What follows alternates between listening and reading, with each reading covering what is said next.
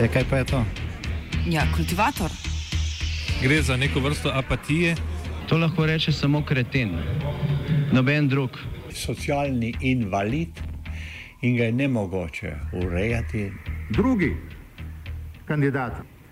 Pa, pa pije, kadi, masturbira, vse kako ti lahko reče. Nihče tega ne ve. Vsak petek skultiviramo dogodek tedna. Lahko po kriterijih radio študent, težko pa po evropskih kriterijih. Ampak na drug način, kot vi to mislite. Kultivator vedno užge. Da pač nekdo sploh omenja probleme, ki so, in da pravzaprav sploh nekdo sproži dogajanje uh, v družbi. To drži, drži.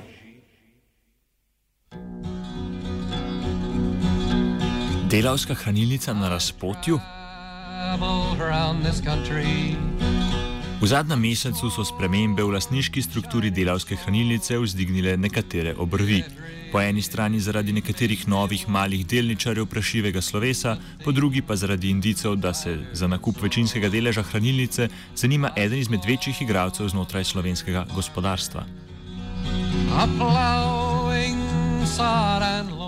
Delavsko hranilnico lastniško obvladuje Zveza slovenskih sindikatov, ki ima 42 odstotni delež. Okoli 38 jih imajo fizične osebe, to so večinoma člani sindikata, zaposleni in komitenti hranilnice. Preostalih 20 odstotkov je v lasti drugih podjetij. Med temi 20 odstotki prihaja v zadnjem času do nekaj vidnejših sprememb lastništva.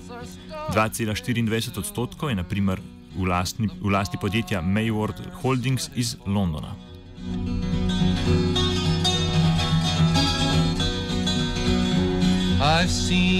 Za podjetjem Mayward ne bi stal Marko Sedovnik, ki je eden izmed vodilnih v družbi Lioness.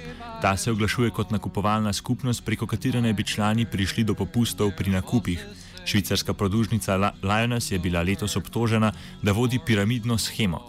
Sedovnik se je v zadnjem času podal tudi med izdajatelje kriptovalut. Branimir Štrukel, glavni tajnik sindikata vzgoje in izobraževanja, ki je tudi največji lastnik hranilnice, je nastalo situacijo povzel sledeče.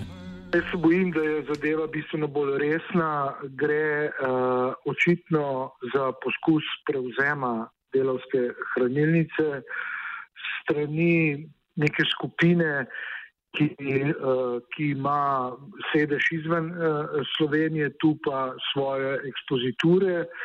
Uh, kot veste, je bil uh, neformalno nekaterim sindikatom že ponujen uh, odkup njihovih delnic po, po uh, višji ceni, to se pravi z, z prevzemno premijo, kar seveda jasno kaže na to, da želi nekdo delovsko hranilnico prevzeti. Veliki lastniki sindikalni bomo to hranilnico branili, kajti za naše članstvo je izjemnega pomena in tudi za same sindikate, tako da uh, sem trdno prepričan, da do večjih prodaj, ki bi lahko spremenile strukturo lastništva strani sindikatov, ne bo prišlo.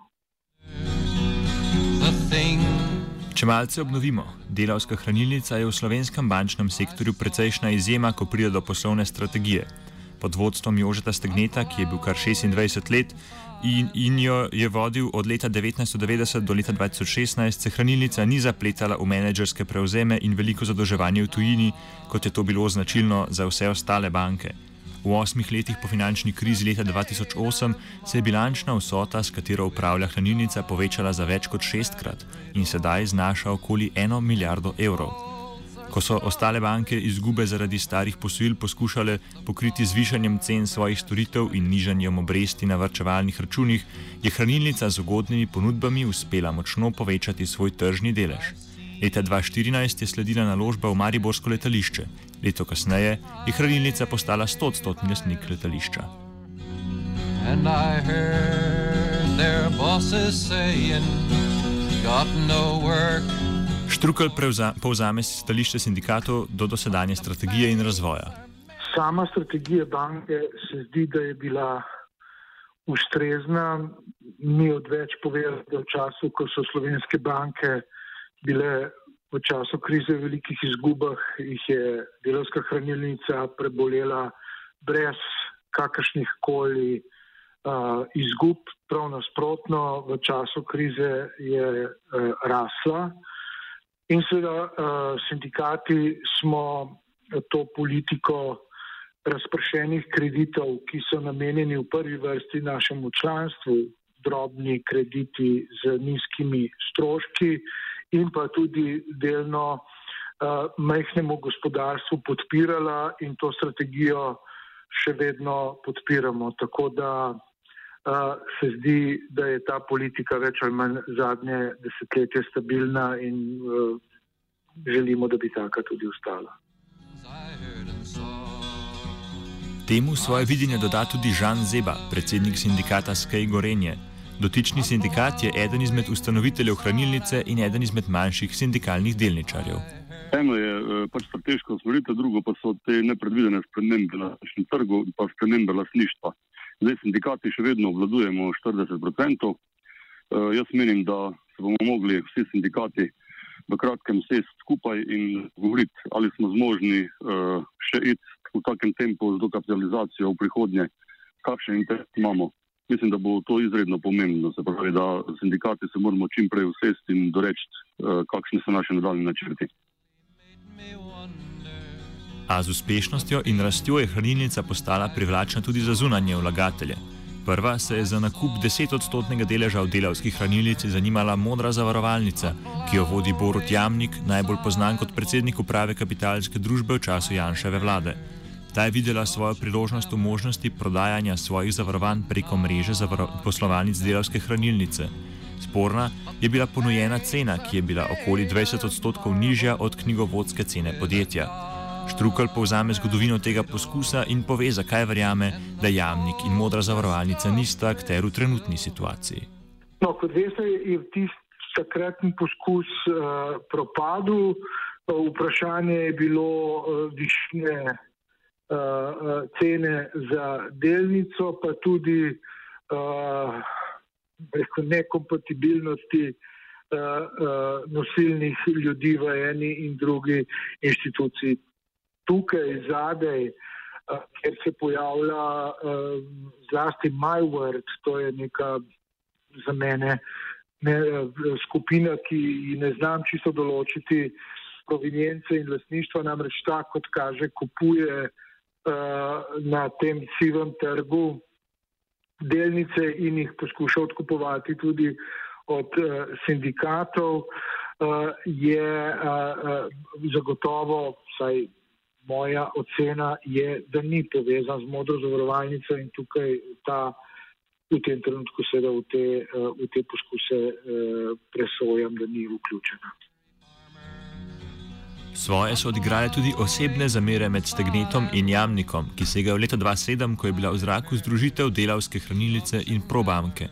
Stegne je takrat Jamnika obtožil, da gre v resnici za sovražni prevzem strani probanke in da je Jamnik sklical lažno skupščino hranilnice ter da je bila ta potem razveljavljena na sodišču. Probanka je na to kmalu po začetku finančne krize zašla v precejšnje težave. Leta 2016 je bila ta banka po vloženih 176 milijonih državnih evrov likvidirana. Ali igra odnos med starim in novim vodstvom hranilnice vlogo pri trenutnih poskusih prevzema, komentira Štrukel. Sem trdno prepričan, da to ni povezan, prav nasprotno.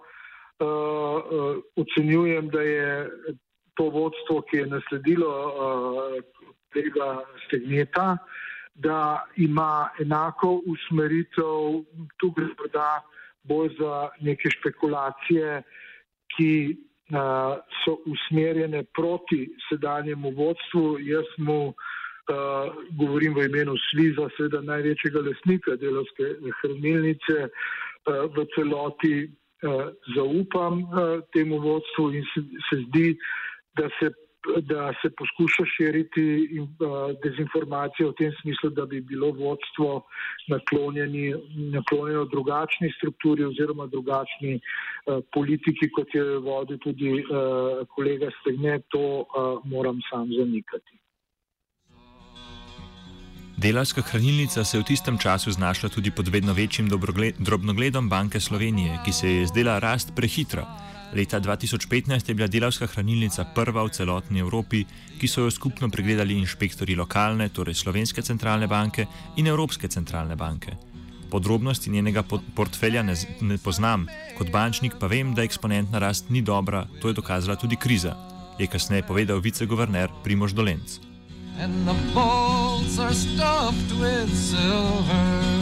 Leta 2016 je Banka Slovenije s pomočjo namiga žvižgača ugotovila, da so zaposleni od hranilnice prejemali posojila, da so kupovali njene delnice. Te delnice pa je uprava na to štela v kapital banke, kar pa je prepovedano. Banka Slovenije je proti Stegnetu začela postopek odozema licence, ta pa se je takrat umaknil v pokoj.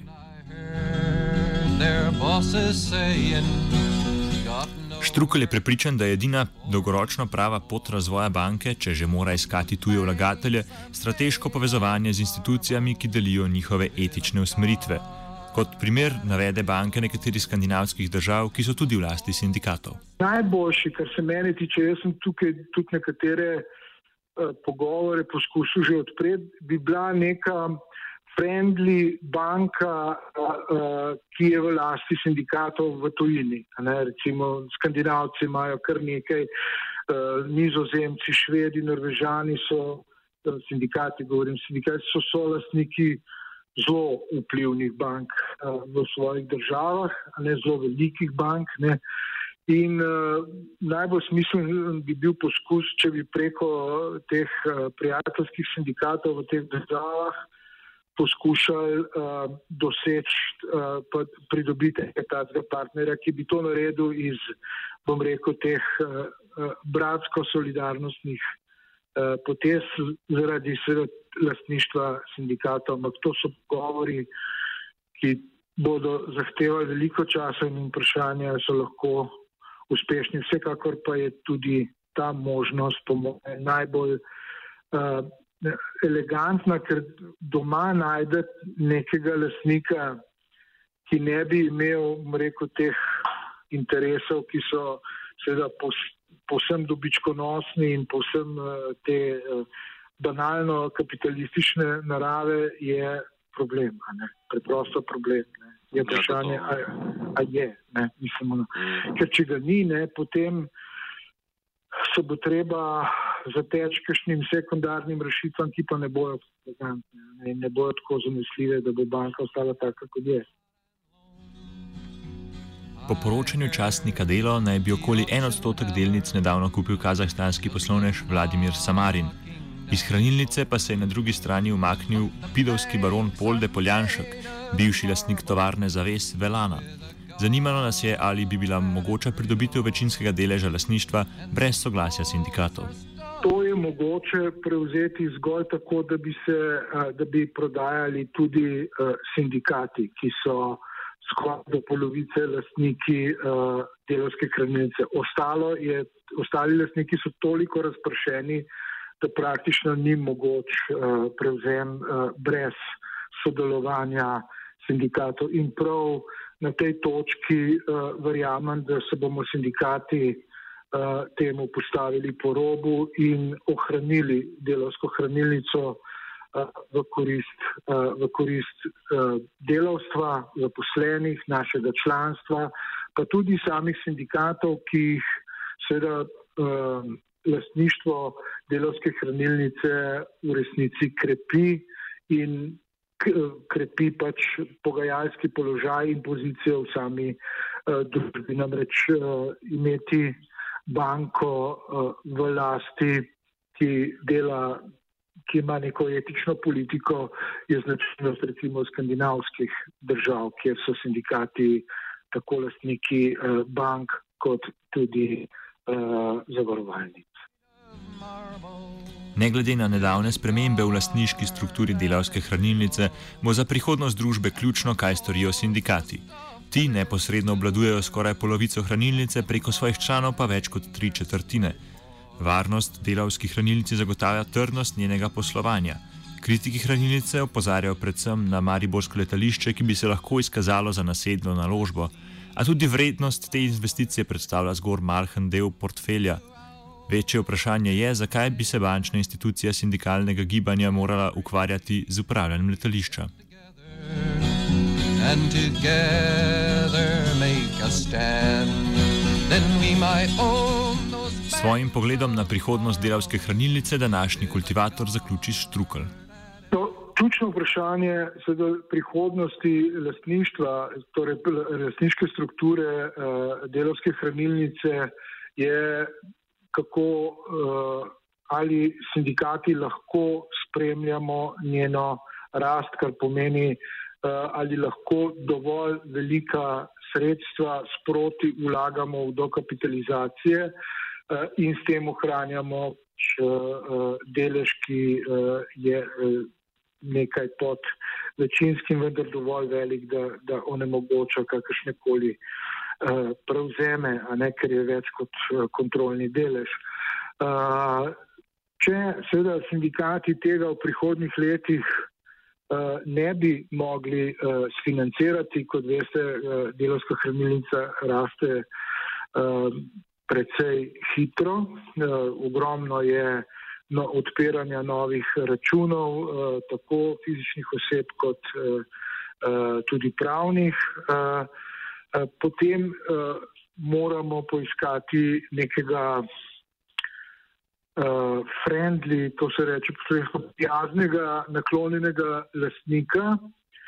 Eh, Torej, vlagatelja, uh, strateškega, ki bo pomagal uh, vzdrževati to, uh, to strukturo lastništva, pri tem pa ne spreminjati koncepcije delovske korenilnice. Namreč še enkrat bi rad podaril njeno vsebinsko bistvo, to je, da kreditira z uh, zelo ugodnimi uh, krediti zaposlene, ki potrebujejo ali premustitvene kredite ali kredite manjših uh, vrednosti, po eni strani uh, tega je, je še vedno večji del uh, njenih uh, poslov, po drugi strani pa vlaga v oziroma kreditira slovensko gospodarstvo, uh, zlasti tisto manjše, mikro in majhna podjetja, kar se mi zdi tudi smiselno, ker je v preteklosti ta del gospodarstva pokazal izrazito robustnost, eh, prilagodljivost in odpornost. Tako da bi s to politiko želeli, da delovska hranilnica, ki je pri tem tudi izjema, se veste, da so stroški delovske hranilnice najnižji v državi že dolga leta, da so skratka, da ne dela na nekih velikih profitih, uh, kar se tiče poslovanja, da se bi ta politika ohranila tudi v prihodnosti. Vendar bo treba vrste strniti in uh, pokazati odločnost, da uh, delovska hranilnica ostane delovska in v večinski lasti sindikatov.